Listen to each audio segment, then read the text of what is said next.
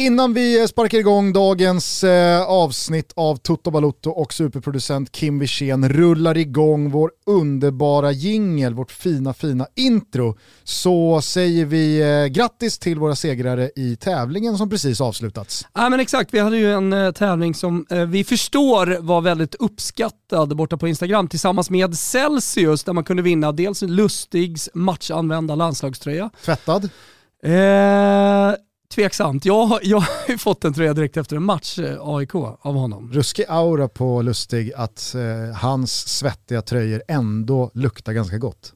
Verkligen. Hur som helst, det var inte bara tröjan, det var också flak med Celsius nya smak, Blueberry Frost. Den här glada vinnaren får ju hem flak, eh, så han kommer ju testa flera stycken.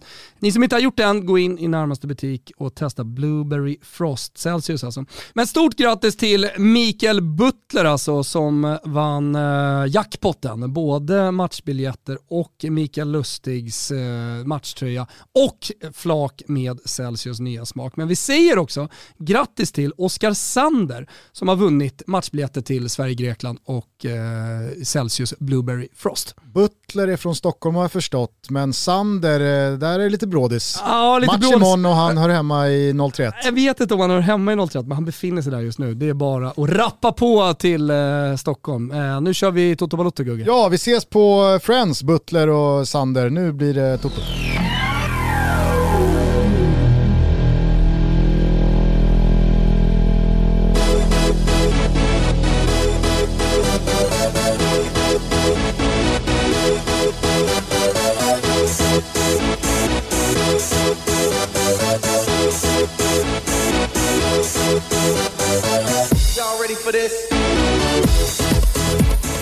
Känner varmt välkomna till Toto Balotto. Det är måndag den 11 oktober. Vi är mitt emellan två hyperviktiga VM-kvalmatcher för Jan Anderssons gul och gul och seger 3-0 mot Kosovo i lördags.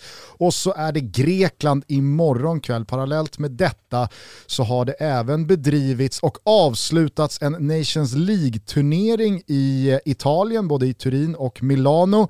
Jag ska svepa alldeles strax eh, vad som har hänt eh, både från de matcherna matcherna och övrigt VM-kval. Men jag tänker att vi ska inleda den här episoden med Thomas Wilbachers egna recept på en eh, carbonara. En gång för alla. Jag såg att du rasade i morse, att veckan började pissigt för dig när Expressen skickade ut att tips på hur man gör en carbonara och Från, eh, flörtade lite med crème fraîchen. Och... Ja men de har ju någon kock där, alltså skickar ut eh, ja, men recept liksom, via premium, så man ska ju dessutom betala. Men det var ett sånt jävla haveri, alltså det var både vitlök och lök, alltså det enda som saknades var ju, var ju ärtor, men man kunde välja då mellan grädde eller crème fraîche. Alltså, det enda jag såg jag skulle... någon av dina följare på Twitter hade skickat in en bra länk till en klassisk karba. Ja. Då var det ärtor och bräckt skinka. Ja, jag vet, rökt, rökt skinka. Nej, men, alltså, så här, grejen är, jag ska bara säga det så har vi det sagt. Ja. Grejen med italienska pastarätter, alltså en carbonara, en amatriciana, det är att den görs med eh, ett fåtal ingredienser och det är bara dem. Sen kan du ju göra till exempel som man gör i Bologna,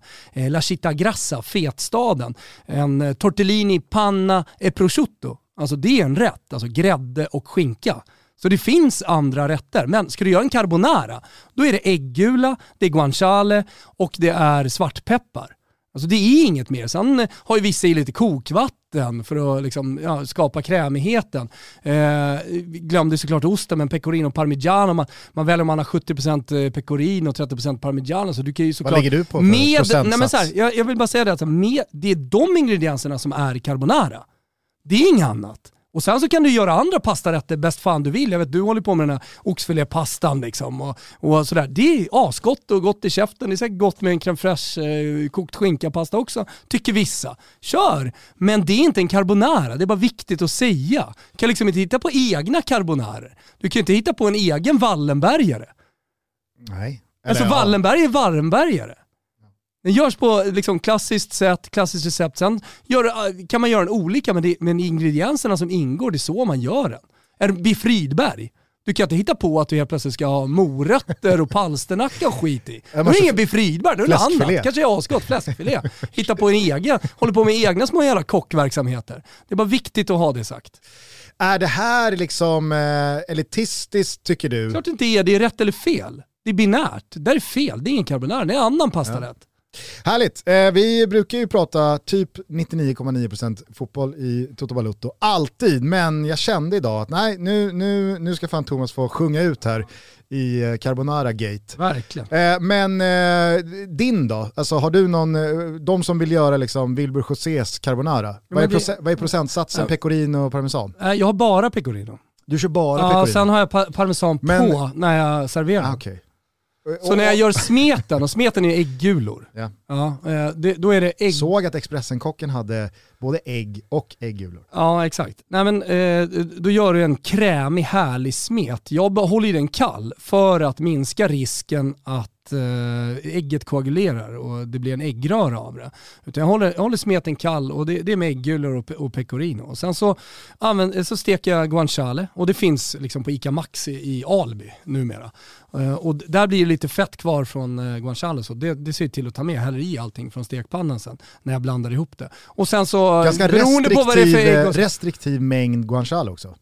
Eh, ja, det- alltså det, där, det kan man ju också välja liksom mängd och så vidare. De kanske älskar att trycka i sig guanciale, det är klart du kan välja det, men, men ofta i Italien så har man inte speciellt mycket. Men det viktiga är att få ihop den där krämigheten, att det är rätt konsistens och hur lär man sig det? Jo, gör om och gör om och gör fel och gör om och så vidare. Mm. Härligt, Mm. eh, då har ni fått lite tips på hur man gör Wilbur Josés bästa eh, carbonara. Vill man käka den bästa carbonaran i hela världen, ja, då tar man sig till eh, restaurangen Macarone. Ja, det tycker i alla fall jag. Det finns ju många Jag bra restauranger, men, men ma- Macaroni i, i Rom, ett Strax stenkast eh, från bakom Pantheon. Pantheon. Precis. Precis, där, där satt vi på torget framför Pantheon. Lite turistigt kan man tycka liksom, att sitta där, men, men det är härligt också att insupa liksom first row Pantheon. Jo fast det är ju inte Macarone. Nej, nej, jag, jag bara berättade att vi satt där och sen så gick du, jag och vår älskade, älskade vän, hur fan mår han, eh, Jakob Gustafsson? Men nej, han mår ganska bra. Ja, eh, saknar honom måste jag säga. Mm, jag eh, det känns som att han är sur på oss, jag vet inte varför. Har vi varit för hårda mot Brullan eller? Va? Du kanske? Har jag varit? Ja, alltså, jag tror inte du tänker på att du ibland bara liksom skickar ur dig sågningar hit och Okej, dit. ja men då ber jag om ursäkt. Eh, hoppas att vi sitter framför Pantheon och sen så rullar bort till Macaroni efter Mm. och käkar en god eh, carb- carbonara.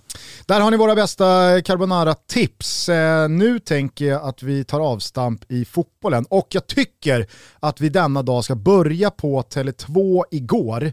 För där skrevs det nämligen svensk fotbollshistoria. 18 537 personer stod på läktarna när Hammarby välkomnade AIK i ett Stockholmsderby som slutade med 4-1-seger för Bayern. Men det här var ju liksom en match där nu kanske inte Hammarbyare eller aik håller med, men för oss utomstående så var ju resultatet sekundärt. Det här var ju liksom den stora folksamlingen. Det var ett nytt kapitel i eh, damfotbollens eh, historia. Det kändes som eh, förhoppningsvis en språngbräda till en ny verklighet eller kanske framförallt ett ytterligare steg i den utveckling som eh, skett här de senaste åren. Inte minst då liksom framdraget av eh, damlandslagets framgångar i både i både VM och eh, OS här nyligen. Så att, eh, det, var, det, var, det var mäktigt att se alla dessa människor på läktarna stämma upp i Just idag är jag stark. Jag älskade att se att det både var bengaler och pyro och jag skrev det på Andra Twitter i morse. Jag har inte nåtts av ett enda negativt ord kring pyrotekniken. Det går att ha pyroteknik på läktarna utan att någon ska hålla på och liksom jiddra om hur jävla problematiskt och fel och hemskt och farligt det är. Alltså det går. Fan vad fint det var igår. Mm, jag var på plats eh, tillsammans med mina tjejer och det, alltså, det går ju att prata om eh, upplevelsen igår i olika perspektiv. Du har helt rätt, alltså för alla utomstående så, så, så handlar det väldigt mycket om inramningen och den är, eh, ja, jag som var på plats då, helt otrolig. Alltså som såklart skapas framförallt av eh, Hammarby-supporterna.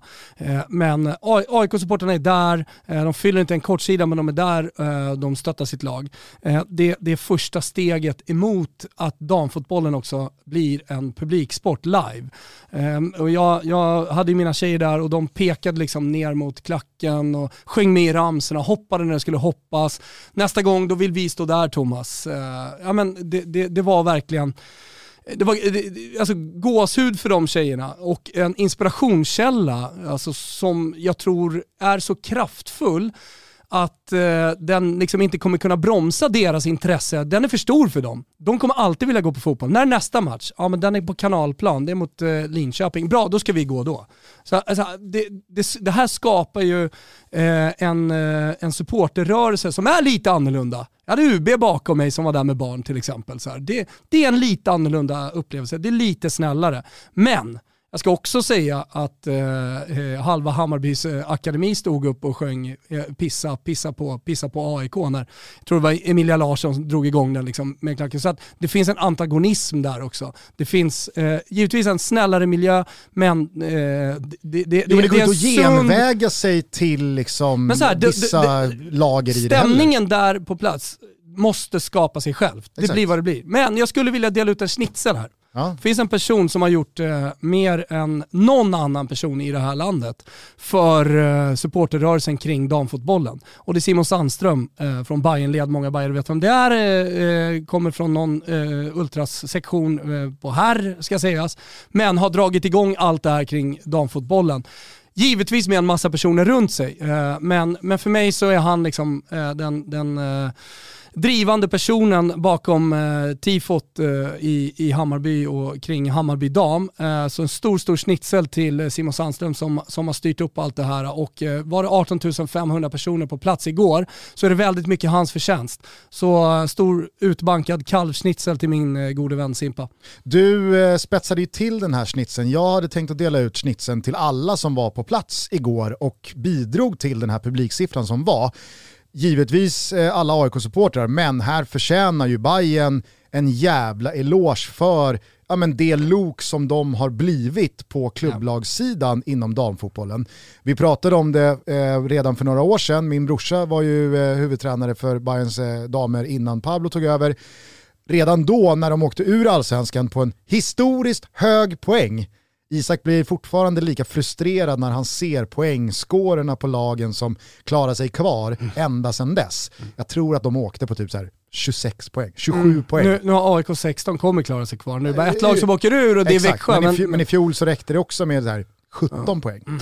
Hur som, redan då när han var nere i elitettan med dem på kanalplan så kände man ju att är det någon klubb, är det något lag som verkligen kan ta damfotbollen ja, men framåt i det supportermässiga i den kulturen från en plats till en annan så är det ju Hammarby. De har ju någonting i sin klubb, i sitt DNA. Men de har ju DNA. skapat en kultur, det är ja, det som är grejen. Du kan inte tvinga på folk Nej, exakt. Och jag säger, inte, jag säger inte att Malmö FF eller IFK Göteborg eller Peking eller Djurgården eller AIK eller några andra är liksom dåliga eller ska göra någonting. Nej, precis, jag säger bara så som jag upplever det så har Bayern verkligen gått i framkant ja. och visat att det går faktiskt att sömlöst inkorporera damernas fotboll mm. i herrarnas supporterbas och bygga det genuint, ett steg i taget. Det går liksom inte att jag, jag, jag, tror inte att man kan skaka fram nästan 19 000 eh, var och varannan vecka. Men nu var det en kraftsamling, nu blev det en jävla upplevelse, nu blev det att man krossade ett glastak uppåt, mm. nu visade man att det här är möjligt till nästa premiär, skulle jag tänka mig, eh, 2022, ja men då kommer man säkert göra en, en ny vända med att man lägger premiären på Tele2 och så kör man marschen och så bygger man återigen. Kanske når man 18 500 igen, kanske blir det 25 000, kanske blir det 12 000.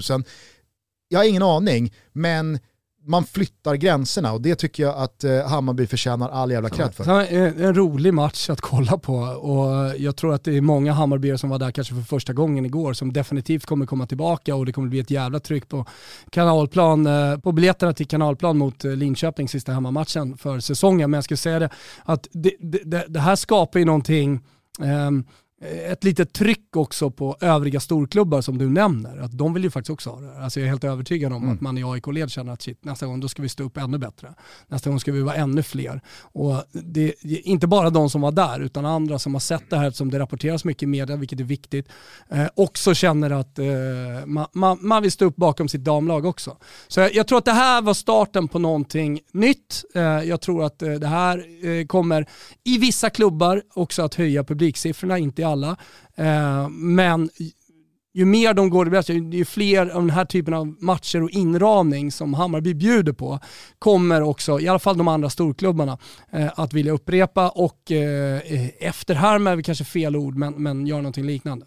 Jag blev också väldigt glad när Anna Rydén från Sportbladet skickade ut, eh, hon filmade när eh, tre tjejer från eh, vad jag tror är något 08-09 lag eh, fick träffa tre av eh, Hammarbyspelarna eh, efter matchen. I mean, det, det är verkligen en idoldyrkan som går genom kameralinsen. Mm. Man känner att det här är stort på jävla riktigt. Mm. Och det är ju en konsekvens av att de här spelarna spelar framför 18 500. Ja. Det, det, det bygger ju, ja men, det bygger ju den här liksom mäktigheten gentemot alla unga tjejer och killar som tittar på. Alltså, nej, det, jag, jag, jag, blev glad av att se den eh, videon. Jag skickade ut den på Twitter för alla som vill eh, kolla. Jag skulle dock bara vilja nyansera eh, snitsen med en liten gulasch. Mm. Och här är jag lite jävig. Det blir lite pajigt när jag kommer från TV4 och simor håll och ja, men det blev ju i somras, som alltid i och för sig när det är mästerskap, att ja, men tillhör man TV4 simor laget ja, men då, då, då kanske man inte ska uttala sig så jävla mycket om SV. Skitsamma, jag jobbade med Nations League-finalen igår. Ryan Reynolds här från Mint Mobile. Med priset på nästan allt som går upp under inflationen, trodde vi att vi skulle bring våra priser down. So to help us, we brought in a reverse auctioneer, which is apparently a thing.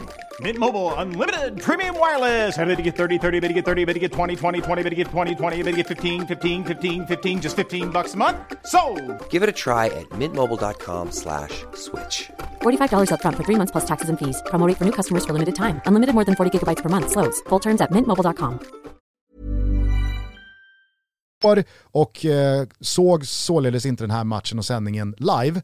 Men igår kväll när jag kom hem så klickade jag igång sändningen igen på SVT Play och så såg jag hela sändningen och matchen eh, när jag inte kunde sova i natt. Och eh, jag är den första att överlag sträcka upp Liverpool-gänget. Alltså de, de behöver alltid sträckas upp. Jaja. Det finns ju ingen supporterskara och supporterbas i världen som är lika liksom högljudda kring att om man ens pratar i två sekunder över You'll Never Walk Alone när då Anfield stämmer upp i sång. Skulle det vara Roma-lägret då? Nej. Nej. Ja, men de, de är högljudda. Men de, de är, högljudda, inte lika många. Men absolut de är inte 68 000 inte lika högljudda i... som Liverpool-gänget. Nej, för att de är inte lika många, men de är högljudda. Och där kan jag ibland känna att jag fattar, man vill se innon, man vill lyssna på det, men har man gjort det 500 gånger, kanske 1000 gånger, jag menar, då måste, eh, kanske får man ibland liksom så här, ja men nu, nu sägs det någonting och visst vi fattar, nu är, det, nu är det You'll Never Walk Alone, vi släpper till arenan snart, men går det, liksom, går det tre meningar in, chilla. Vad fan, ni, ja. ni såg det förra veckan, ni kommer se det nästa vecka. Och nu lyssnar vi i 38 eh, sekunder, Precis, även absolut. idag. Alltså. Och eh, som du säger, Roma med eh, den innon, Roma, Roma, Roma. Jag har också många gånger bara liksom, släpp bara eh, till arenan, tystna så att man får liksom, ah, absolut. Jag har också stått i den ringhörnan. Det finns andra klubbar med, med, med, med liknande eh, lägen. Eh, men igår, när då SVT har den här historiska matchen, det är 18 500 personer på plats. Handlar om en sak. Ja men då är det liksom, jag, jag, jag blev verkligen beklämd kring hur de misshandlar de minuterna av just idag är jag stark, allsång, pyroteknik, spelare i halsdukar som leder ut eh, med, med småtjejer framför sig. Ja, men det, vill säga, det var verkligen... Hammarbys 2011-lag eh, var det. Det fanns minuter där som lag. verkligen var så här, ingen behöver säga någonting. Nej. Nu ska vi bara ta in det här, mm. det är historiska jävla sekunder och minuter som vi får uppleva här nu. Låt bara Kenta sjunga tillsammans med nästan 19 000 personer. Så här, jag kom hem efter... Istället blev det allt nej, här, annat från den här sändningen. Jag, det, det, det säga, synd. Jag kom hem efter och ville återuppleva de första tio minuterna och jag tänkte, ja men inför studio, perfekt, då kommer, då kommer jag få höra och se hur det lät från tvn. Jag tycker alltid att det är intressant. Liksom, når stämningen ut här? Som det verkligen kan göra i ett Romderby eller ett Stockholmsderby. Man känner stämningen genom rutan. Eh, men eh, kände mig rånad på de eh, sista fem minuter innan matchen när, när spelarna gick in. För de pratade över det på ett sätt också som, som var riktigt svagt. Och där tror jag, där tror jag också att så här, dam, damfotbollen måste tas på allvar. Jaha, sitter du där i Toto Balotto och säger det, ofta pratar ni damfotboll. Ja, men det kommer en, jag, jag ska försöka göra mitt. Jag har behövt fyra, fem år på mig att sätta mig in i damfotbollen. Kanske jag växla upp till senior då? Jag har en jä ett jävla, ett, ett jävla stor kravställning på mig själv när det gäller att prata om fotboll. Om inte jag har sett matcher, om jag inte har följt allting som sker i media, internationell media, läser mina dagstidningar på morgonen, pratat med dig, med andra vänner, då, då känner jag mig inte berättigad att sitta i Sveriges största podcast eller att skriva en krönika i Expressen om det. Nej. Alltså, och, och jag har, eh, därför har jag stora krav på kollegor och, och, så vidare också. Sen kan man tycka vad man vill om mina åsikter eller om dina åsikter. De är säkert bajs eh, ibland, men jag har i alla fall jävligt hög kravställning på mig själv. Piller jag vet jag blev piller på crew eh, där. Pille på Crew dök upp. Ja, han dök upp. Såg för övrigt en irländsk reggad bil återigen i morse, den andra i Stockholm på en månad, vilket är helt otroligt. Eh, hur som helst, kanske därför jag liksom fastnade i det. Eh, men, men, Fastnat i två plus anekdotträsket. men jag har, inga, jag har inga problem att ställa krav på kollegor, eller kollegor, ens kollegor, på sändningar. Jag kan ställa krav på dig, det vet du om Gustav. Jag ställer sjukt höga krav på när ni sitter i era studios och, och dina kollegor, Kim Källström också. Jag har inga problem att prata med han om vad jag tycker ärligt om era sändningar. Eh, men men eh, igår blev det misshandlat. Det måste vara bättre. Ja, och, nej, och, eh, an, an, annars, annars tappar man folk på vägen. Det kan inte kosta 299 kronor på Sportbladet för att kolla på damallsvenskan. Det är omöjligt! Det får inte. Da, Dazon har nu köpt Champions League för eh, damer i typ tre år tror jag. Det kan vara lite längre. De sänder det det live, tre på, ja, tre år. Sänder det live på, gratis på YouTube. Så byggs damfotbollen. De har fattat att ska vi bygga den här produkten så måste vi göra den tillgänglig för alla. Och det, det är faktiskt jävligt bra sändningar. Med, du kan välja språk på kommentatorer, du kan välja att bara ha läktarljud och så vidare. och så vidare. Alltså, de har ju tagit det till next level egentligen från här, härsändningarna. Eh, Men, men, men man måste, nummer ett, göra det tillgängligt. Nummer två, göra jävligt bra produkter. Och eh, där, där är vi inte än. Och med det sagt, det kommer en jävligt vass dampodd eh, vad, vad det lider här. Så jag, jag ska försöka bidra. Ställ jävligt höga krav på den podden också. Ställ höga krav. Såga mig om ni, om ni tycker att det är skit. Jag, inga, jag, jag, jag, jag kommer lyssna på precis all kritik, precis som jag alltid har gjort vad gäller Toto Balotto också. Och eh, återigen, jag står som programledare hos TV4 och Simor gör konkurrerande sändningar. Alltså jag vet att det blir kladdigt, det kanske blir jävigt. Jag- Man får ta det jag säger med en nypa salt då.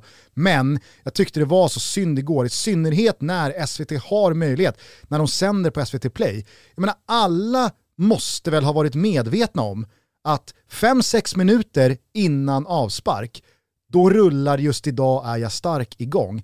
En av de absolut, om inte den mest hypade, hyllade och mest välkända inno vi har i det här landet kommer ackompanjeras av det här otroliga publikrekordet. Alla kommer ställa upp i sång. Det kommer vara en otrolig stund för byggandet av damfotbollen med alla halsdukar, spelarna som går ut på plan. Ja, men det- det- då Men ge det till alla men som tittar säger, också. Jag säger bara, då måste man vara klar med det som ska sägas i sändningen inför Mm. Och det här, det är dags. det här kanske folk tror att det är kritik mot eh, en programledare eller en Elisa Dahlqvist som expert. Nej, nej, nej. Det här är kritik till de som bygger sändningen. Det vet ju du som jobbar, jobbar i tv. De som bygger sändningen, att leda dem rätt, att göra körschema.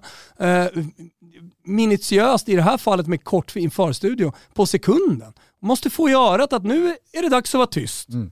Men sen så kan man alltså, man, man kan bli tjock i körschemat och man kan halka efter och så vidare. Men där och då, när spelarna börjar röra på sig, när gitarren börjar liksom, eh, gnissla igång på just idag är stark, då måste någon Måste någon bara trycka ner mikrofonen till alla inblandade. Tyst! Alltså då blir man Liverpool-sekten. Ja. Nu måste det vara tyst. Ja. Lägg ut bilderna bara på arenan. Men, men slutligen, eh, jävligt eh, fet upplevelse för alla som var där och eh, ett, ett stort steg framåt för damfotbollen.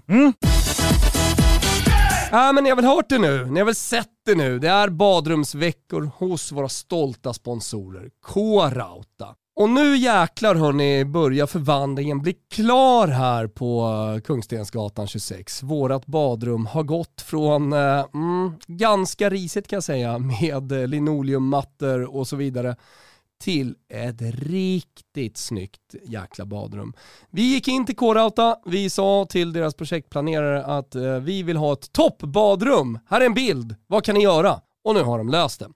Vi har valt eh, produkter från eh, Svedbergs, fått 20% rabatt på det. Och vad är Svedbergs då kanske ni undrar? Jo men det är hög kvalitet, det produceras i Sverige, det är upp till 20 års garanti.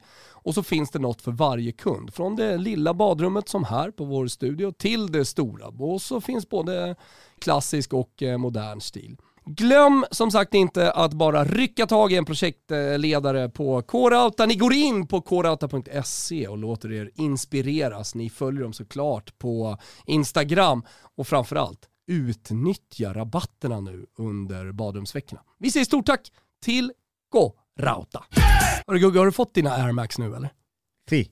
Ah, äntligen. Hörni, vi är sponsrade av Nike den här veckan och eh, nu jäklar eh, gäller det att gå in på Nike.com. Det är nämligen så att de har rea och med koden OCT21, alltså OCT21, så får man 20% extra på rean. Och då kan man då till exempel som eh, du Gugge, skaffa sig ett par Air Max till exempel. Det är sällan Nike har den här typen av rabatter på rabatten så att säga. Så gå in på nike.com, se till att bli medlemmar och se till att handla just nu. Jag vet att många av våra lyssnare älskar Nike, precis som jag och Gusten gör. Så ni går in på nike.com eller totobaluto.se så finns det länkar. Vi har eh, länkar också via vårt Instagram. Vi säger stort tack till Nike som är med och möjliggör Toto Balutto. Eh, är du redo för ett litet svep Yes! från eh, herrarnas förehavanden eh, de senaste dagarna? Ja, jag är redo. Jaha, nej, nu jävlar ska det gå undan. Nu Uefa Nations Leagues andra upplaga är avgjord och vi lyfter på vår lilla basker för frassarna. Det var en av de bättre halvlekar landslagsfotboll som spelats på år och dagar när Le Bleu vände och vann semifinalen mot Belgien i torsdags. Och dagen innan hade Spanien med Ferran Torres i spetsen brutit spaggarnas, får man ens säga så längre? Okej då, italienarnas 37 matcher långa förlustfria svit och segrade med 2-1 på San Siro. Final igår således efter en ganska sömnig och halvdan bronsmatch på eftermiddagen i Turin, där eh, Italien slog ett utzonat Belgien. Och efter en mållös och ganska händelsefattig första halvlek i Milano då, så hände precis allt efter timmen spelad på La Scala del Calcio. Theo Hernandez i ribbans underkant, omställning, Upamecano på sliren och Jarzabal med ledningsmålet. Spanskt jubel som sattes i halsen eftersom Bensen vred in kvitteringen i klykan och av bara farten kunde sen Kylian Mbappé avgöra allt med ett omdiskuterat 2-1 mål i den 80 minuten. Men mer om det lite senare. Grattis säger vi i alla fall till Frankrike. Parallellt med eh, detta UNL-avgörande så har en VM-kvalrunda också hunnit avverkas. Stolta Svea rike, gul och gul och i folkmun, fick en ganska bjussig straff efter halva första halvlek mot Kosovo när Alexander Isak sen med en magisk minut efter timmen spelad skickade in 2-0 i bortre krysset så var det tack och lov över. För visst darrade det lite där första kvarten efter paus. Morici och de andra kosovanerna, säger man än så, hade bud på en kvittering och nej, jag orkar inte ens tänka på den våg av Ågren som hade sköljt över oss ifall det skett. 3-0 skrev födelsedagsbarnet Robin Quaison slutsiffrorna till och nu väntar Grekland imorgon. I övrigt då? Ja, men Serbien tog en blytung seger borta mot Luxemburg och kan nog räkna med minst playoff. Kul tycker jag. Oklart varför, men jag är svag för serberna. Det är något med dem som liksom, ah, vet fan, det är liksom kungarna av Balkan. Så känns det bara. Passar hör. Är, är de inte det? Passar. Guldlänkarna, Passar korsen, linnena, Säg bara passa dig. mjukisbyxorna, de röda ciggarna. Anna Lavdic lyssnar på det här också. Visst, visst gör han det. Portugal är hur som helst enda hindret mellan Serbien och en direktplats till Qatar. Schweiz passade på att också säkra minst playoff i sin kvalgrupp medan Wales och Tjeckien går en oerhört tight fight om andra platsen bakom Belgien. Kryss i Prag, 2-2 och fortsatt båda nationerna på samma poäng, 8. Dansken fortsätter sitt perfekta kvalspel, man har nu 7-0-0 och 26-0 i målskillnad. 21 av 21 möjliga poäng och seger mot Österrike imorgon. Ja, då är VM-biljetten i hamn. Det skulle i sådana fall ge Skottland ett jätteläge att parallellt verkligen befästa andraplatsen. och Wilbur Josés dassiga alpscheisse till hemland går månne in i en fotbollsdepression. Ej helt fel, säger jag. Passar dig. Ruskigt spännande är det i grupp H där Kroatien och Ryssland båda toppar gruppen på 16 poäng vardera. Slovenien och Slovakien finns där bakom och ikväll spelar alla fyra lag mot varandra. Getingbo! Albanien har verkligen steppat upp och är med bara tre matcher kvar en poäng före självaste Polen i grupp I. Imorgon möts man i Tirana och då förstår ni själva hur mycket kniv mot strupe förbundskapten Paolo Sosa har. Savannen.se är redo för en nybesökare. Är det bara jag som tycker det känns som att det går skit för Tyskland? Ändå bara vinner de och vinner de. Vändningen mot Rumänien var sista spiken i kvalkistan och Hansi Flick kommer leda sitt lag i Qatar nästa år. Men ja, spraka gör det då fan inte om din manschaft.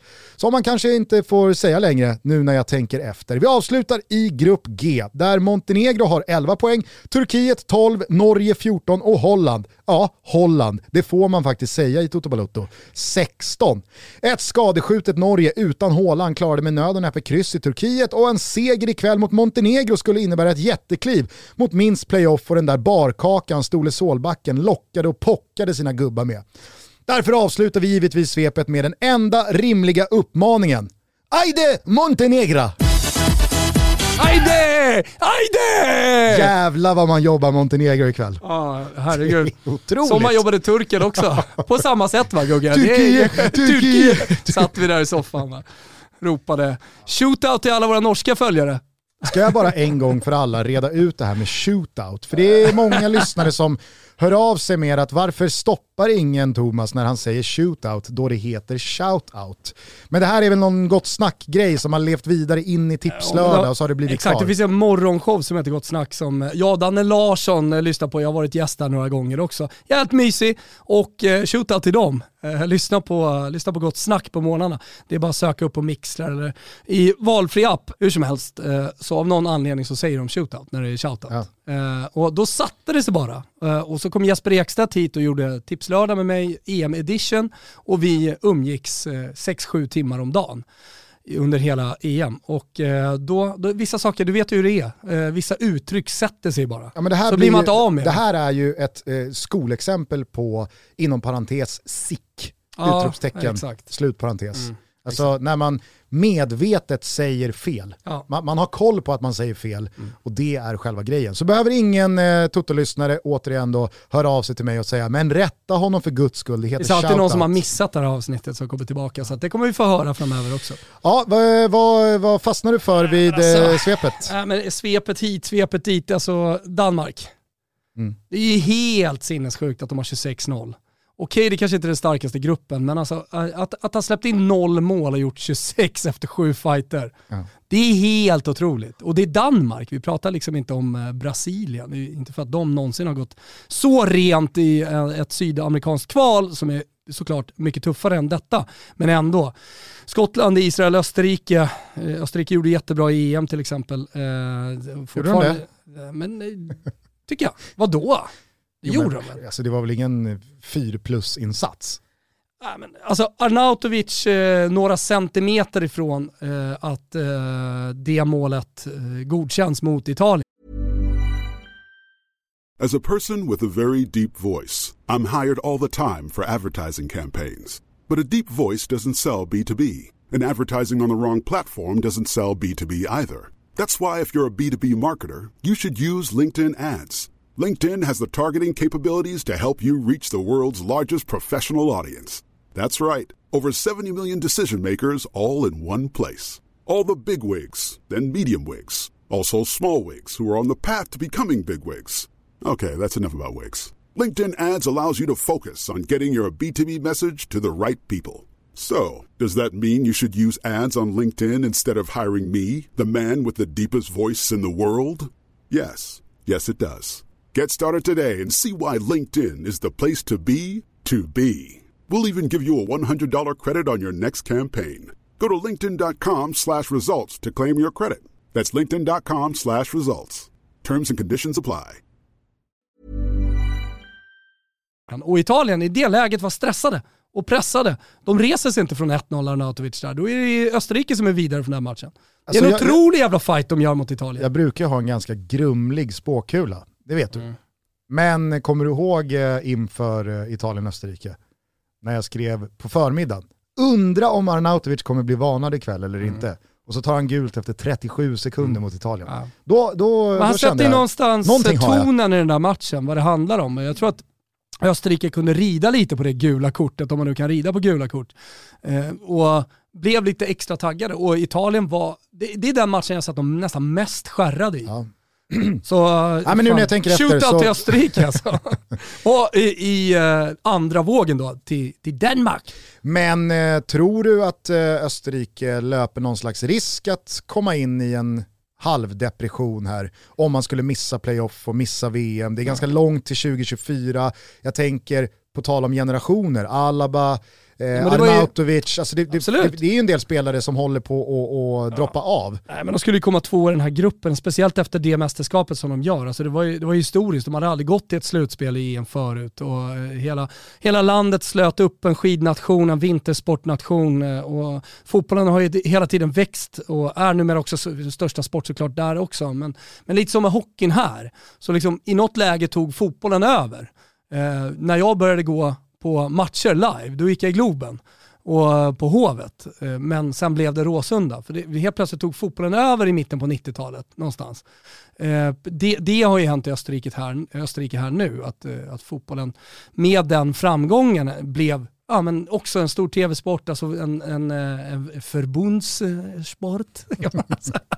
Folks, den stora folksporten.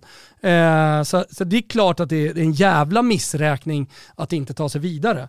Vi får ju se då, skottarna känns ju som att de inte kommer släppa fyra poäng på, på de tre sista. Det- Nej, i synnerhet inte om Danmark gör sitt här eh, ikväll då, mot, Nej. mot Österrike. Eh, eller om det var imorgon. Men imorgon det är, också, det, det är faktiskt en match där Österrike skulle kunna samla sig. De är så pass bra, alltså de kan slå Danmark om allting stämmer. Det, det, kan de definitivt göra. Eh, på tal bara om, om eh, 90-talet där, en liten sidogulasch bara när vi ändå är på de två ämnena. Eh, jag såg att eh, DNs eh, chefredaktör Peter Wolodarski gav sig in i pyro han då? polisdebatten här. Nej, han sa ju att eh, det var fina år på 90-talet på svenska fotbollsläktare. Vadå, när det var tomt? Det är så, det är så, tomt. det är så verklighetsfrånvänt så att det fan inte finns. Menar, alltså. på riktigt var det Ja, tomt. ja, ja, alltså, så- jag gick då. Jag var på Paggis och Dick Ja, Lidmans tid. Antingen så vill han ju att det ska vara så. Att han, tycker, han tycker det var fint. Mm. Gud vad fint det var när vi hade Snitt 2100. 3700 på Råsunda Exakt. 92. Liksom. Då var det härligt, då var det fint. Eller så har han liksom ingen koll. Det är väl favorit på det. Ja. Får man väl ändå Jag orkar inte med alla dessa jävla kulturnissar. Eh, nej men i övrigt så tycker jag ändå att eh, den här liksom komprimerade kvalhösten, fan vad det sprakar om den. Ja. Jag vet inte om, om man liksom eh, får eh, ny energi och extra energi av då publiken som är tillbaka på läktarna. Jag misstänker det, men det känns som att eh, det, det, det lever egentligen varstans i det här VM-kvalet. Mm. Och det är viktiga matcher, det är bara en månad mellan samlingarna. Nej fan vad det, jag, jag gillar den här, Ja, jag det gillar den här. Det, ja, men alltså. det, är, det- är det inte alltid så att när saker och ting är på väg att avgöras så blir det roligare? Alltså du, det- du, du pratar om kniven mot strupen för Polen, alltså det är samma med Sverige Måste mot Grekland. bli lite- savannen eh, för Paolo Sosa om han bränner mot Albanien va? Ja, alltså det är väl han som fingrar på, eh, vad, vad är det man åker ut med, en savannkärra, alltså någon slags fyrhjulsdrift, eller skickas man bara, nej just det, man ska ju knalla barfota ut bara. Ja. Så stänger man dörren. Exakt. Mm. Det är få som hittar tillbaka när man väl har gått vilse där ute. Det är Ventura- ett tufft liv där ute. Ventura har väl smält upp sitt motell där ute. Nej nej, han ligger ju, han är bara liksom eh, bones. Kadaver. inget- Ja ja, det är bara ett kadaver. Kadaver Ventura. som, som hyenorna varit på och till och med vildhundarna har varit där nu och tagit det sista. Ja. Gnagt på benen. Vi fortsätter givetvis följa övriga länders VM-kval både ikväll och imorgon. Men fokus nu på Sverige och eh, Jan Anderssons manskap. Håller du med mig om att eh, det där resultatet och stämningen och känslan efteråt? Sminkade över lite insats, lite prestation, lite eh, ja, men, shaky business som ändå hade kunnat gå åt ena hållet. Eller ska man bara liksom skita i det? Det är ett kvalspel, det var Kosovo, nu väntar Grekland, vi har skador, vi har barnafödsel, vi har generationsskifte, mm. det handlar om att ta poängen, det är inte nu Sverige ska vara liksom dunder, mm. för det går ju på samma sätt som att man hänvisade Greklandsinsatsen, hänvisar till några perioder i den här Kosovo-matchen, att också hänvisa till Spanien-matchen ja. som var för en månad sedan där allting såg dunder ut. Det här laget har en otrolig högsta nivå och kommer fortsätta ha en otrolig högsta nivå men jag tror att vi har sagt allt kring det här generationsskiftet. Eh, Ponna slutat i landslaget, nya spelare ska spelas in. Alltså att man ändå lyckas vinna de här matcherna, lyckas göra en så bra match mot Spanien det bevisar ändå att Sverige klarar av det här generationsskiftet för alla kommer komma in i sina roller i det, låt säga då ändå nya landslaget. Vi såg ju eh, kvintetten som stod nere på Friends här som hade slutat med över 400 landskamper tillsammans. Tillsammans med Håkan Sjöstrand och Karl-Erik Nilsson. Ja, det, tyckte jag var, det tyckte jag var lite halvbeige alltså. Passa på att vinna PR-poäng och så vidare. Alltså, det, det kan ändå förstå. Jo men alltså hur känner man själv som PAMP, alltså generalsekreterare och förbundsordförande ordförande, när fotograferna får liksom be dem att, hallå, kan ni, kan ni, liksom, kan ni lämna spelarna? Vi vill mm. fota dem. Mm. Jag, fan, jag tänkte inte så jävla mycket på det. Men, eh, Såg att Ekvall eh, var upprörd Ja på, men det förstår Twitter. jag, det är bra. Fortsätt bra. vara Han brinner, han glöder. Brinner, jag tycker fan Ekvall glöder mer än vad han gjort på många, många år. Han skriver bra saker, säger bra saker. Fan, minischnitzel till Patrik Ekvall tycker jag ändå. Nej men helt ärligt, fan vilken nytändning han har fått. Eh, jag, jag, älskar det. Det finns ju andra som har lämnat eh, liksom, stora medieuppdrag som inte liksom, har hittat rätt i sina nytändningar. Mm. Eh, och det kommer hända hela tiden. Tycker vi har en bra nytändning, eller fick en bra nytändning i, i Toto Balutto och fortsätter liksom, driva på på något sätt. Jag lämnade ju Expressen. Schnitzel till oss! Hockey-Toto! eh, hörni, torsdagar varje, varje torsdag 18.30. Eh, ställde ni min fråga till han? Eh... Nej, alltså jag såg ju den efter. Hade ja. jag sett den hade jag ju ställt den. Så det var, det var ju, jag har så jävla mycket... Du vet, För er som inte fattar vad vi pratar om, vad hette han som uh, gästade? Barkov, Sasha Barkov. Sasha Barkov, någon typ topp 10-spelare i världen. Ja. Eh, spelar i NHL. Ja, han spelar i Florida. Eh, han gästade Hockeytoto i torsdags och så fick man då ställa frågor till honom och jag ställde då Sören Kratz-frågan. Exakt, på engelska. På engelska. Men synd. den, nådde, den, den nådde honom inte alltså? Nej, äh, jättesynd att jag såg det efter i och med att äh, Fimpen inte fattar någonting om liksom, en sändning. Och Dregen ännu mindre, speciellt på åtta bärs. Och äh, jag ska ratta, ringa folk och sånt där. Så hinner jag inte med Twitter riktigt. Så det var jävligt surt. Jag, jag är bitter över att jag missade ställa frågan för det hade varit eh, kanske en legendarisk minut även för Toto Balutto. Älskar Dregen tror vi ska avsluta med helikopters eh, i, i, idag. Så får det bli. Du var mm. på landslags eh, liksom, eh, presens. Mm. Ett generationsskifte, Nej, spelare jag, som är borta, tror, skadade, avstängda, ja, jag tror vi har sagt mycket, blir pappa och exakt, så vidare. Jag, jag tror vi har sagt väldigt mycket om det och ändå Eh, trots, tycker jag, framförallt 20 minuter i inledningen av den andra halvleken när det är Shaky och Kosovo kommer. Det står det är fortfarande 1-0 till Sverige. Den här matchen lever 1-1, det blir ännu mer skakigt. Eh, att rida ut stormar, jag tror att det är det som är grejen med det här landslaget. Vi rider ut den spanska stormen, men vi kan också rida ut eh, ett, eh, en Kosovo, liten Kosovo-orkan som, som kommer över oss.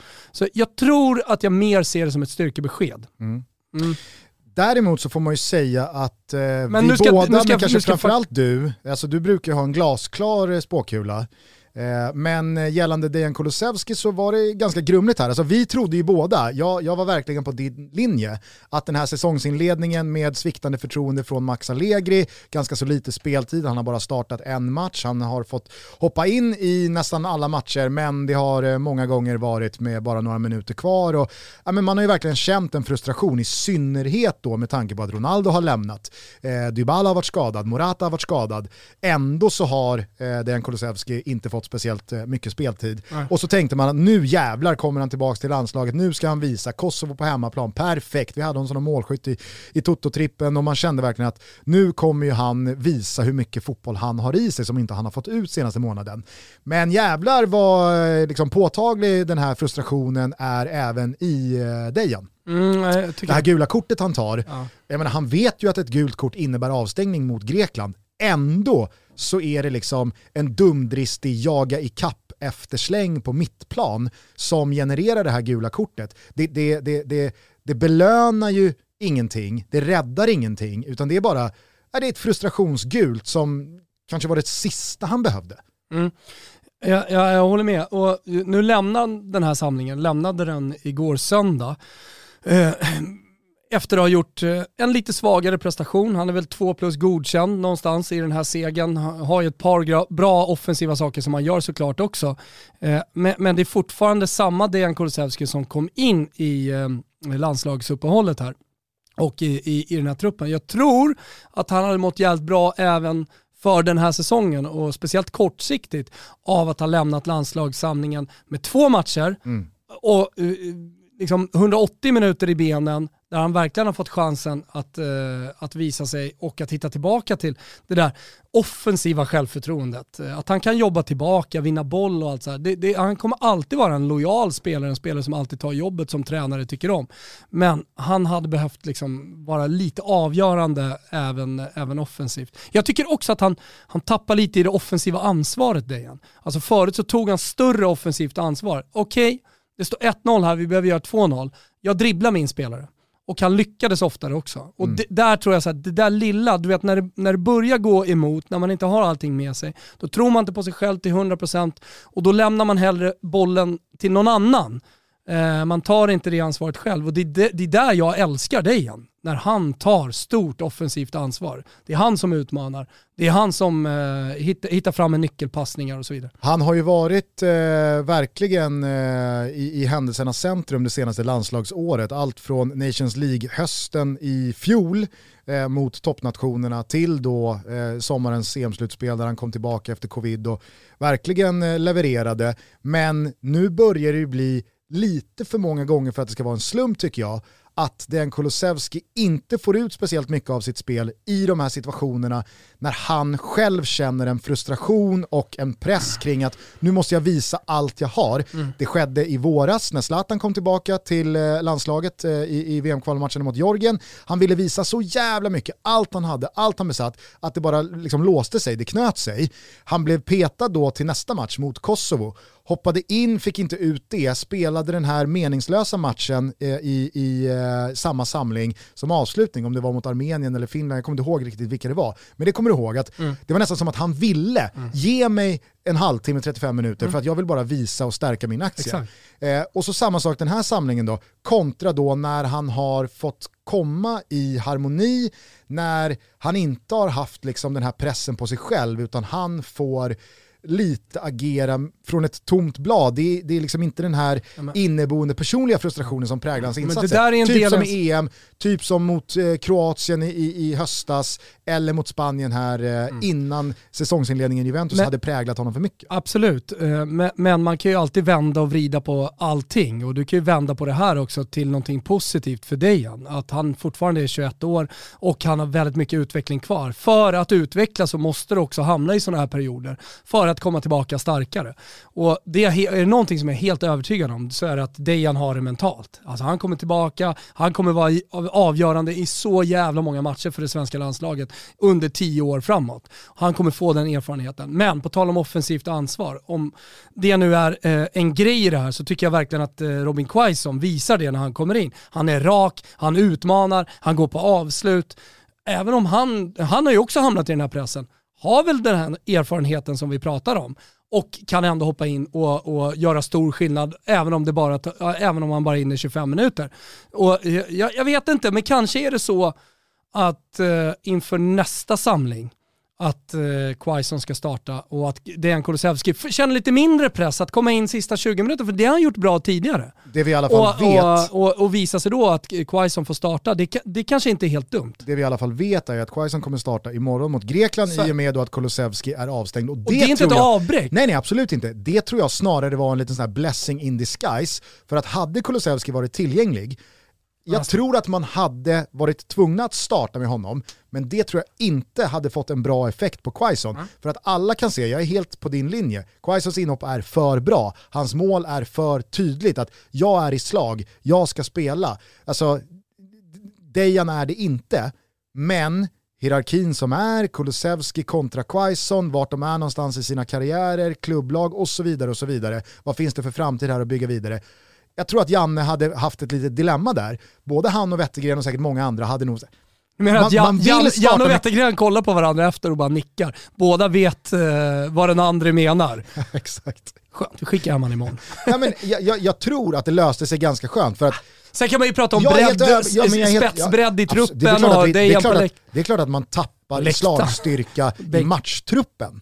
Mm. Att man inte kan förändra på samma sätt och så vidare. Men jag är helt övertygad om att Janne Wettergren och väldigt många andra inblandade hade nog föredragit Quaison från start mot Grekland imorgon om båda hade varit Och tillgängliga. nice ha Dejan på Men det hade blivit Kulusevski i startelvan för att det hade blivit för känsligt Mm, annars. Det är vad jag tror, så det kan ha varit en liten blessing in disguise. Jag har lite budskap här Gusten innan vi eh, stänger ner. Du vet att... Eh, Skrota villkorstrappan. Ja, Rädda svensk fotboll. Bra. Men det tror, jag, det tror jag supportrarna på läktarna med de stora banderollerna gör bättre än jag. Men budskapet hur som helst, eh, det är att jag såg att du har byggt ett eh, jättestort eh, glashus, eller vad- säger man, växthus, eller vad är det för någonting? Ute, uterum. Orangeri. Åh, orangeri! Fasen vad fint. Då sitter jag faktiskt här just nu med fyra timmar och 21 minuter kvar och budar på en liten present till dig. Jajamensan, jag är inne på den stora marknadsplatsen Tradera. Jag har börjat med det här när jag har fått upp ögonen för Tradera. Kanske sist av alla, för jag, tror att det är över 3 miljoner som eh, är en del av den enorma marknadsplatsen som är Tradera. Då låter det ju som att typ 7 miljoner fortfarande inte har varit på den här bollen. Exakt. sist är du nog inte. Nej, sist är jag inte. Så det, budskapet i alla fall, tradera.com, marknadsplatsen. Eh, nu vill man egentligen inte berätta, men eh, i och med att lyssnarna är med här så är det en helt oanvänd 600 watts grästrimmer från Ryobi. Står just nu på 500 spänn, det är jag som eh, leder. Ja, men, man handlar grönt, eh, alltså du, du handlar ju använt eh, på Tradera. Det finns ju många anledningar till att handla där. Och du får också bra pris såklart. Det finns många guldkorn. Jag tänker, när du har ditt växthus där så kommer det ju växa gräs runt. Ja, då är det bra att ha en liten grästrimmer så du bara kan hela tiden fina till det så att det inte växer upp liksom vid kanterna. Hörrni, gå in på tradera.com, skapa konto om ni inte har och gör som vi. Handla till bättre priser ofta, handla grönt och eh, det är faktiskt jäkligt kul med de här budgivningarna. Då håller jag mina tummar, tår och skinkor Att att, vinner. eh, du vinner den här budgivningen Ja, ja. så att man kan trimma lite gräs runt orangeriet på Hattudden. In kommer också Victor Nilsson Lindelöf, det är väl favorit på att han tar Joakim Nilssons plats i mittlåset. Eh, och that's it eh, vad gäller förändringar i startelvan. Förlusten senast mot Grekland, det var ju en eh, hädisk insats över 90 minuter, men marginalerna är små. Jag menar, sitter Svanbergs volleyskott efter 2-3 minuter, stolpe in istället, ja, då har vi ett Okej. Sverige som har ett resultat att gå på, man kan sjunka lite lägre, man kan gå på omställningar. Förmodligen hade vi fått med oss ett mycket bättre resultat och med tanke på hur mattan var, läget var, Alltså då hade nog inte den här spelmässiga insatsen präglat ja, men det som jag nu känner i magen, lite, så här, lite oro, jag tar med lite sämre perioder mot Kosovo och känner fan ska det gå imorgon? Alltså, det, det känns som en rysare vi har att göra med imorgon. Ja, kanske. Eh, sen fanns det någonting i stämningen eh, under matchen mot eh, Kosovo som jag tar med mig. Vi pratade om Hammarby och mot AIK i damallsvenskan. Alltså jävlar vilket tryck det var på Friends. Frågan är om det är det bästa jag, jag har upplevt hittills. Det har väl dels också att göra med att det var ganska många tusen Definitivt. Eh, kosovaner. Kosovo, ja, absolut. eh, Men, som, som men bidrog. eh, jag ska säga att eh, de svenska supportrarna på kortsidan har nog aldrig levererat så högt. Och det kan ju också ha varit för att de var lite pressade av eh, eh, Kosovo, kosovanerna. Mm. Kosovofolket. Kosovaner. Kosovaner, ja. Eh, Kosovo eh, i alla fall. Eh, att, nej men det där är bra, precis på samma sätt som jag, eh, eh, AIK, IFK Göteborg när de kommer upp i Allsvenskan, Malmö, Djurgården eh, känner att fan det, det där vill vi skapa för vårt damlag också. Eh, känner, att- och nästa gång vill vi stå upp på ett bättre sätt. På samma sätt så, så, så tror jag nog att eh, de svenska supportrarna var lite extra taggade i den här matchen. Ska också säga att det är jävligt bra att spela den tiden en lördag. För då har folk perfekt mängd alkohol i blodet för att eh, sjunga det där lilla extra. Men jag, jag tyckte Det går i alla fall från tvn, för jag var sig, inte på går plats. också att få med sig barn och ungdomar på ett helt annat sätt än Ja, när det är på ett 2045 start. Absolut, absolut. Och de körde några växelramsor och sånt där. Det är landslag, men jag tycker att de sköter det jävligt bra. Om jag jämför med andra eh, landslag så tycker jag att eh, Sverige börjar också på hemmaplan på Friends Arena att få det trycket. Det är fler som vill ansluta till eh, kortsidan, det är fler som vill sjunga kanna på. Jag har någon ny ramsa också, ah, jag kommer inte ihåg hur den gick. Men, men, Janne-ramsan eh, Ja men den, går starkt. den har ju satt sig och många skickar in också ja min Jan att det är en upp, ja, men så här, det är uppladdning på O'Learys innan matchen. Vad heter det? O'Learys. Ja. Eh, uppladdningen innan matchen, eh, där, där har man då ja min Jan i högtalarna och det gör mig ju otroligt varm i bröstet att eh, Gugges fina stämma, lite skör är den. Eller hur? Och det, det tycker jag liksom, det gör någonting bakfull. extra med den. Ja det var det Ja, eh, när vi spelade in. Eh, men ja, det, gör, det gör någonting extra och jag tycker att det, det, det, det är helt härligt. Men jag hoppas också att en tisdag när man inte har lika många bärs i sig, att man kan skapa den stämningen. Du ska dit. Jag ska dit, många andra ska dit. Eh, Vi hoppas på givetvis svensk seger, men jag tror att det kan bli en sån här eh, klassisk kvalrysare i oktober. Säg att Sverige vinner lätt. Och nu, så känner, nu, nu känner jag också så här, skitsamma hur det ser ut. Bara det tas tre poäng. Foppen stiger fram här. Det här är Foppens match Gugge. Vet du vad, på tal om det, eh, nu gjorde ju inte Kulusevski det målet vi förväntade oss att han skulle göra. De snusar samtidigt. Eh, vi, framförallt jag, har kollat i kristallkulan. Du har hjälpt till lite Gustav, men vi tror inte att det blir en match eh, där det blir en jävla massa mål. Men däremot så är vi ganska övertygade om att eh, utgången kommer att vara positiv för Sveriges del. Sverige vinner, det blir under 3,5 mål och som jag eh, har sett i min spåkula, Foppen, han kommer briljera i den här matchen. Jag har ju sett honom mot Hoffenheim Gusten. Just det. Ja, det har du inte glömt Nej, det bort var va? väl inte ens, det var inte Hoffenheim. Var det Wolfsburg? Nej, det var väl Stuttgart tror jag. Nej, det var Hoffenheim. Bochum tror jag att du har 4-0. sett Lägg ner här nu. Jag har sett tillräckligt av Emil Forsberg för att veta att det, det är kasse som gäller här. Sverige vinner under 3,5 mål och Foppen eh, nätar. Ni hittar den till 6,25 gånger pengarna boostat. Borta på Betsson, kom ihåg att ni måste vara över 18 år. Stödlinjen.se finns om man har problem. Och så vet ni ju att man ser alla matcher från VM-kvalet på Simor. Imorgon så drar sändningen från Friends Arena igång 20.00 på TV4 och Simor. Avspark 20.45, Sverige-Grekland. Missa för guds skull inte det. Sen rullar vi på. Det är Fotbollssöndag i Europa på söndag med dunderfina matcher. Barca-Valencia parallellt med Juventus-Roma. Champions Leagues tredje gruppspelsomgång nästa vecka. Så att har man inte ett simor abonnemang skaffa för guds skull det nu. Jag skulle vilja avsluta dagens episod bara med att sträcka upp Fifa, Uefa Åh och jävlar all- ja, vilken men- hatt alltså. Helvete, jag sett... Vänta Gugge, jag sätter mig ner här. Nej, oj men oj oj, jag- jag lutar mig tillbaka. Jag tycker, jag tycker verkligen att... Sträck upp de jävlarna. Ja, men jag tycker verkligen att offsiden och Hansen är de absolut största argumenten till hur snett vi har hamnat i diskussionerna kring fotboll. Alltså, det pratas VM vartannat eller vart fjärde år, det pratas om eh, VAR, det pratas om ja, men hur man på något sätt... Ja, men det, det är så jävla stora diskussioner. Kan vi bara en gång för alla titta på hur hopplöst skevt det ser ut ute på planen i de största matcherna med de största lagen, med de största spelarna inblandade. Ingen vet vad som gäller. Ingen kan ens handsregeln längre. Och då, det är väl bara att ringa upp Ja, Jonas Eriksson så ingen får vi vet- svar på ingen de här vet vad som är frågorna. hans, ingen vet vad som är inte hans. Det är sånt jävla haveri där ute tycker jag. Jag tycker Sverige får en extremt billig straff mot Kosovo. Jag tycker man summerade ganska bra i studien att är man på Sveriges sida, Sveriges lag, ja men då ropar man för straff. Hade man fått den emot sig, ja men då hade man varit tokig. Det. Vart ska den där armen ta vägen? Den är ingen, det är ingen onaturlig position. Den hindrar inte Viktor Claessons nick från att gå in i mål. Den bollen är på väg ut till inspark. Det handlar om ett avstånd på under en meter i full fart, en nickskarv. Hur kan man tycka att ja, men det där är hans? Och så har man då situationen igår när eh, jag tror att det är Rodri som kommer upp längs eh, vänsterkanten i ytterzon. Spelar ett inspel snett inåt bakåt, eh, Kondé, han täcker, han har en högerarm som i sitt steg givetvis rör på sig. Det åker ut en armbåge bakom hans rygg, där touchar bollen. Ja, så om, Naturlig. Det är naturligt, absolut. Men mindre naturlig än... Eh... Och den förhindrar ju hypotetiskt betydligt mer Ja. än vad eh, Hadegonais arm gör Ja. på Viktor Claessons nick.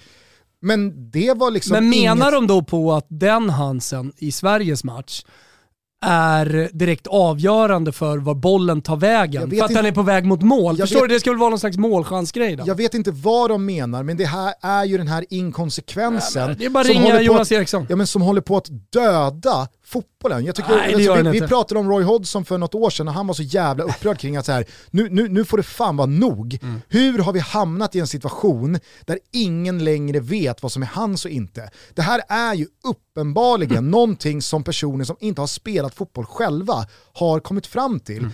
Jag vet inte vad agendan är, jag vet inte vad slutmålet är. Är det Wenger liksom som åker på jag Gulaschen jag, här? alltså, jag, jag vet inte vem som ska ha Gulaschen eller vem som ska ha uppsträckningen. Jag konstaterar bara att nu vet ingen längre vad som är hans. Och, och så här, det hade varit problem nog. Men igår, killen Mbappés avgörande mål igår, alltså han är offside när Theo Hernandez sticker ner bollen i djupet. Det här vet, jag tror att det är Erik Garcia, eller om det är Laporte, jag kommer inte ihåg vilken spansk försvarsspelare det är, som har honom i rygg.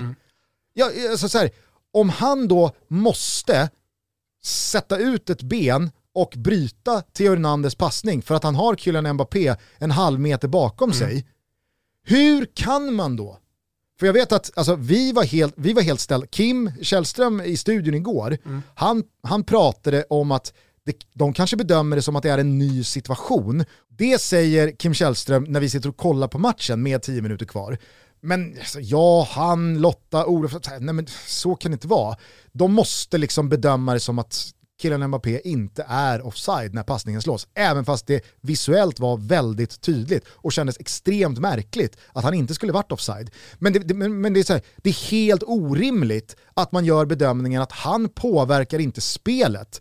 Eh, utan att Erik Garcia, om det nu var han, vi säger att det var han, den spanska försvararens touch, det ska göra att allting blir en ny situation. Jag pratade med Steffe Pepsi om det här i våras. Kommer du ihåg den här situationen med Tyrone Mings, mittbacken i Aston Villa, när de mötte Manchester City? Det kommer en överlång boll, han vet att jag har Bernardo Silva bakom mig, han kommer från offside, så att jag kan göra, liksom, jag kan ta ner den här bollen. Men Bernardo Silva tillåts då pila in i den situationen, sno bollen, som att, men han var ju offside, och eftersom Tyrone att Mings... peta på bollen, bara för att nudda bollen så kan det Exakt. inte vara en ny situation. Och, och, och menar, Situationen i, i, är ju där. Och i den här situationen, hur man kan få det till att killen Mbappé inte påverkar spelet.